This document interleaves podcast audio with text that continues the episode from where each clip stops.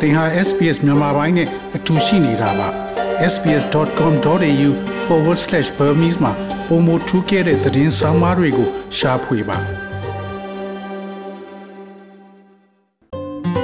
SBS မြန်မာပိုင်းကို အင်ကာနဲ့စနေနေ့ည10:00နာရီမှနားဆင်နိုင်တယ်လို့အွန်လိုင်းကနေလည်းအချိန်မီနားဆင်နိုင်ပါပြီ။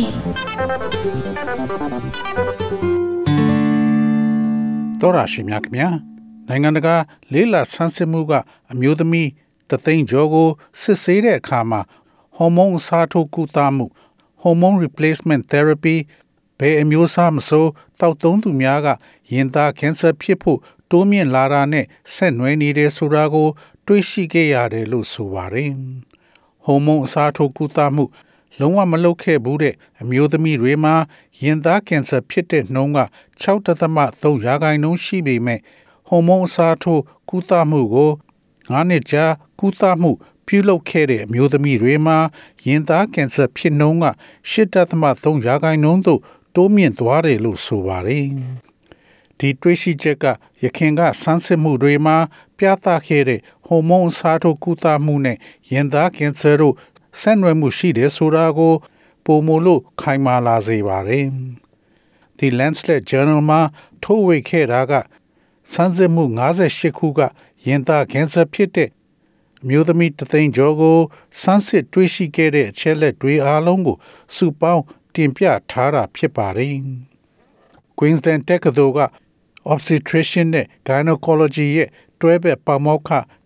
Gino Pecoraro ပြောတာကတော့ဟော်မုန်းအစားထိုးကုသမှုပြီးဆုံးသွားတာတောင်မှရင်သားကင်ဆာဖြစ်မဲ့ဘေးအန္တရာယ်ကနောက်ထပ်10နှစ်လောက်ကြာရှည်ရှိနိုင်တယ်လို့ဆိုပါတယ် It's not a huge increase but there is an increase and it is directly proportional to how long you're on the hormonal treatments for and it does last for up to 10 years after you stop the hormonal treatments but it doesn't negate all of the advantages of going on ဒါကသိကြီးမားတဲ့တိုးမြင့်လာတာတော့မဟုတ်ပါဘူးဒါပေမဲ့အဲ့ဒီမှာတိုးမြင့်အန္တရာယ်ရှိပြီးသင်အဲ့ဒီဟော်မုန်းအစားထိုးကုသမှု လုပ်နေတာကဘလောက်ကြာလဲဆိုတာနဲ့ဓာတ်ရိုက်အချိုးစားကြဖြစ်နေပြီးသင်ဟော်မုန်းအစားထိုးကုသမှုရလိုက်ပြီးတဲ့အခါမှာတောင်မှ နောက်ထပ်10နှစ်လောက်ထိသက်ရောက်မှုရှိနေပါတယ်။ဒါပေမဲ့ဟော်မုန်းအစားထိုးကုသမှုမှ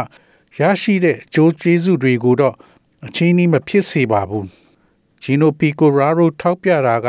menopause ခေါ်သွေးဆုံးတာက ထုံနှန်းအရဆိုရင်အမျိုးသမီးတိုင်းဖြတ်တန်းရမယ်အရာတစ်ခုဖြစ်ပြီးတွေ့နေကြယောဂလက္ခဏာကတော့တိမ်လန်းချောင်း၆တွေ့တာစိတ်တူလွယ်တာအိမ်မရတာနဲ့စိတ်နေစိတ်ထားပြောင်းလဲတာတို့ဖြစ်တယ်လို့ဆိုပါတယ်။ရင်သားကင်ဆာဖြစ်တဲ့ဆိုတဲ့တွေးရှိချက်တွေကို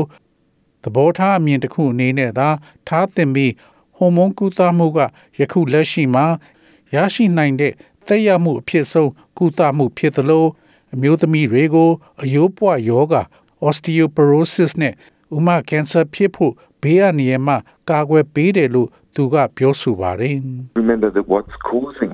these symptoms in menopausal women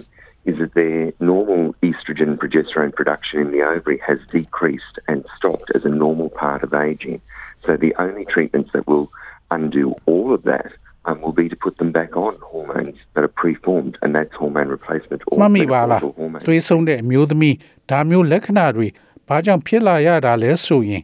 သူတို့ရဲ့သားမျိုးဥအိမ် ovaries တွေကသာမန် estrogen နဲ့ progesterone ထုတ်လုပ်ပေးမှုကညော့နေလာပြီးပုံမှန်သက်ရွယ်ကြီးလာမှုရဲ့အစိတ်ပိုင်းအနေနဲ့အဲ့ဒီထုတ်လုပ်မှုကရပ်ဆိုင်းသွားပါတယ်။ဒါကြောင့်ဒါတွေအားလုံးကိုပြုပြင်ပေးနိုင်တဲ့ကုသမှုတစ်ခုတည်းက သူတို့ကိုကြိုတင်ပုံဖော်ထားတဲ့ဟော်မုန်းကုသမှုကိုလုပ်ပေးပြီးအဲ့ဒါကဟော်မုန်းအစားထိုးကုသတာသို့မဟုတ်သွေးဆုံးချိန်ဟော်မုန်းကုသမှုတို့ပဲဖြစ်ပါတယ်။ Victoria အမျိုးသမီးဆေးရုံကမနတ်ပေါ်ဝန်ဆောင်ပေးမှုရဲ့အကြီးအကဲပမောက္ခမာသာဟီကီပြောတာကတော့ဒီဆန်းစစ်မှုရဲ့တွေးရှိချက်တွေက အမျိုးသမီးတွေနဲ့ကျန်းမာရေးစောင့်ရှောက်မှုပေးတဲ့အတတ်ပညာရှင်နှစ်ဦးစလုံးအတွက်အရေးကြီးတဲ့အချက်လက်တွေဖြစ်တယ်လို့ဆိုပါတယ် It's very important information for women and also for healthcare providers. So, all women experience menopause, and the majority of women have symptoms. And not all of those women need treatment for their symptoms, but for those who are seeking treatment, uh, it's very important that they have the best available ဒါက knowledge မျိုးသမီး about တွေနဲ့ what's safe ကျန်းမာရေးစောင့်ရှောက်မှုပေးနေသူများအတွက်အရန်အရေးကြီးတဲ့အချက်လက်တွေပါဒါကြောင့်သွေးဆုံတာကို တွေ့ကြုံနေရတဲ့အမျိုးသမီးအားလုံးနဲ့ဒီသွေးဆုံတဲ့လက္ခဏာရှိနေတဲ့အမျိုးသမီးအများစုအတွက်ကဒီအချက်တွေကကောင်းပါတယ်ဒီသွေးဆုံတဲ့လက္ခဏာပြနေတဲ့အမျိုးသမီးတိုင်းကဒီကုသမှုကိုမလိုပါဘူး ဒါပေမဲ့ဒီကုသမှုကိုချီးကပ်နေသူတွေအတွက်ကသူတို့အတွက်အကောင်းဆုံးရရှိနိုင်မဲ့အသိပညာနဲ့ဘာကဘေးမရှိပဲတည်ရောက်မှုရှိဆုံးလဲဆိုတာကို သိရှိဖို့ကအရန်အရေးကြီးပါတယ်ဒီချက်လက်တွေကအမျိုးသမီးတွေဒါကိုစတင်မလားရက်ဆိုင်မလားဒါမှမဟုတ်ရင်လေ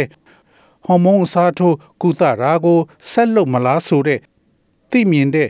ဆုံးဖြတ်ချက်ချစေနိုင်ဖို့အထောက်အကူဖြစ်စေတယ်လို့ပါမောက္ခဟီကီကပြောဆိုပါတယ် I think for women who are considering starting taking hormone treatments for menopausal symptoms, this is really useful information for them to be able to weigh up the risks and benefits for them. And of course, those discussions will be on an individual basis with their healthcare provider about how the risks and benefits might play out. Um, for women who are already taking hormonal treatments,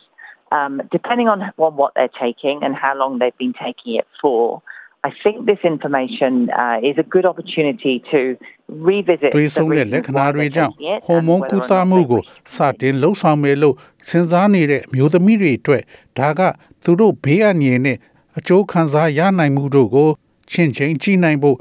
အရန်သုံးဝင်တဲ့အချက်လက်တွေလို့ကျွန်မထင်ပြီးဒီဆွေးနွေးမှုတွေကဘလောက်ဘေးအန္တရာယ်ရှိလဲနဲ့ဘ လို့အကျိုးခံစားမှုတွေဖြစ်လာမလဲဆိုတာတို့ကို သူတို့ရဲ့ကျမ်းမာရေးစောင့်ရှောက်မှုပေးသူနဲ့တူးချင်းဆွေးနွေးကြမယ်ဆိုတာကတော့သိကြပါတယ်ဒီဟော်မုန်းကုသမှုကိုယူနေပြီဖြစ်တဲ့အမျိုးသမီးတွေအတွက်သူတို့ဘယ်လိုဟာမျိုးကိုတောက်နေလဲနဲ့ဘလောက်ကြာကြာတောက်နေလဲဘောမူတီးပြီးဒီအချက်လက်ကဘာအတွက်ကြောင့်ဒါကိုတောက်နေတာလဲနဲ့ ဒါကိုသူတို့ဆက်လက်လို့လှုပ်လို့လားဆိုတာကို ပြန်လဲသွားရောက်ကြည့်ဖို့အတွက်အလွန်ကောင်းတဲ့အခွင့်အလမ်းလို့ကျွန်မထင်ပါတယ်တောရရှိအမျိုးသမီးများခင်ဗျာဒါကသွေးဆုံးပြီးမိမိရဲ့အခြေအနေဘယ်လိုရှိလဲဘာတွေလှုပ်တင်တယ်ဆိုတာကိုမိမိအထွေထွေကုဆရာဝန် အထူးကုတို့နဲ့သေချာစွာတိုင်ပင်ပြီးမှဆုံးဖြတ်သင့်မှာကြောင့်ပြောဆိုရင် SBS သတင်းဌာနက Great Diet ရဲ့ဆောင်းပါးကိုဘာသာပြန်တင်ဆက်ပေးလိုက်ရပါတယ်ခင်ဗျာ SBS မြန်မာပိုင်းကိုနားဆင်ရတာနှစ်သက်ပါတလား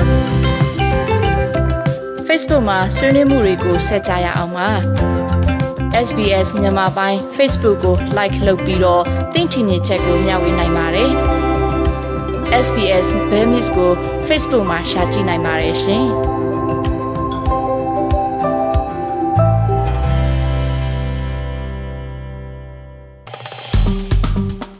SPS မြန်မာပိုင်းကို Facebook ပေါ်မှာ like ရှာပြီး like မျှဝေမှတ်ချက်ပေးပါ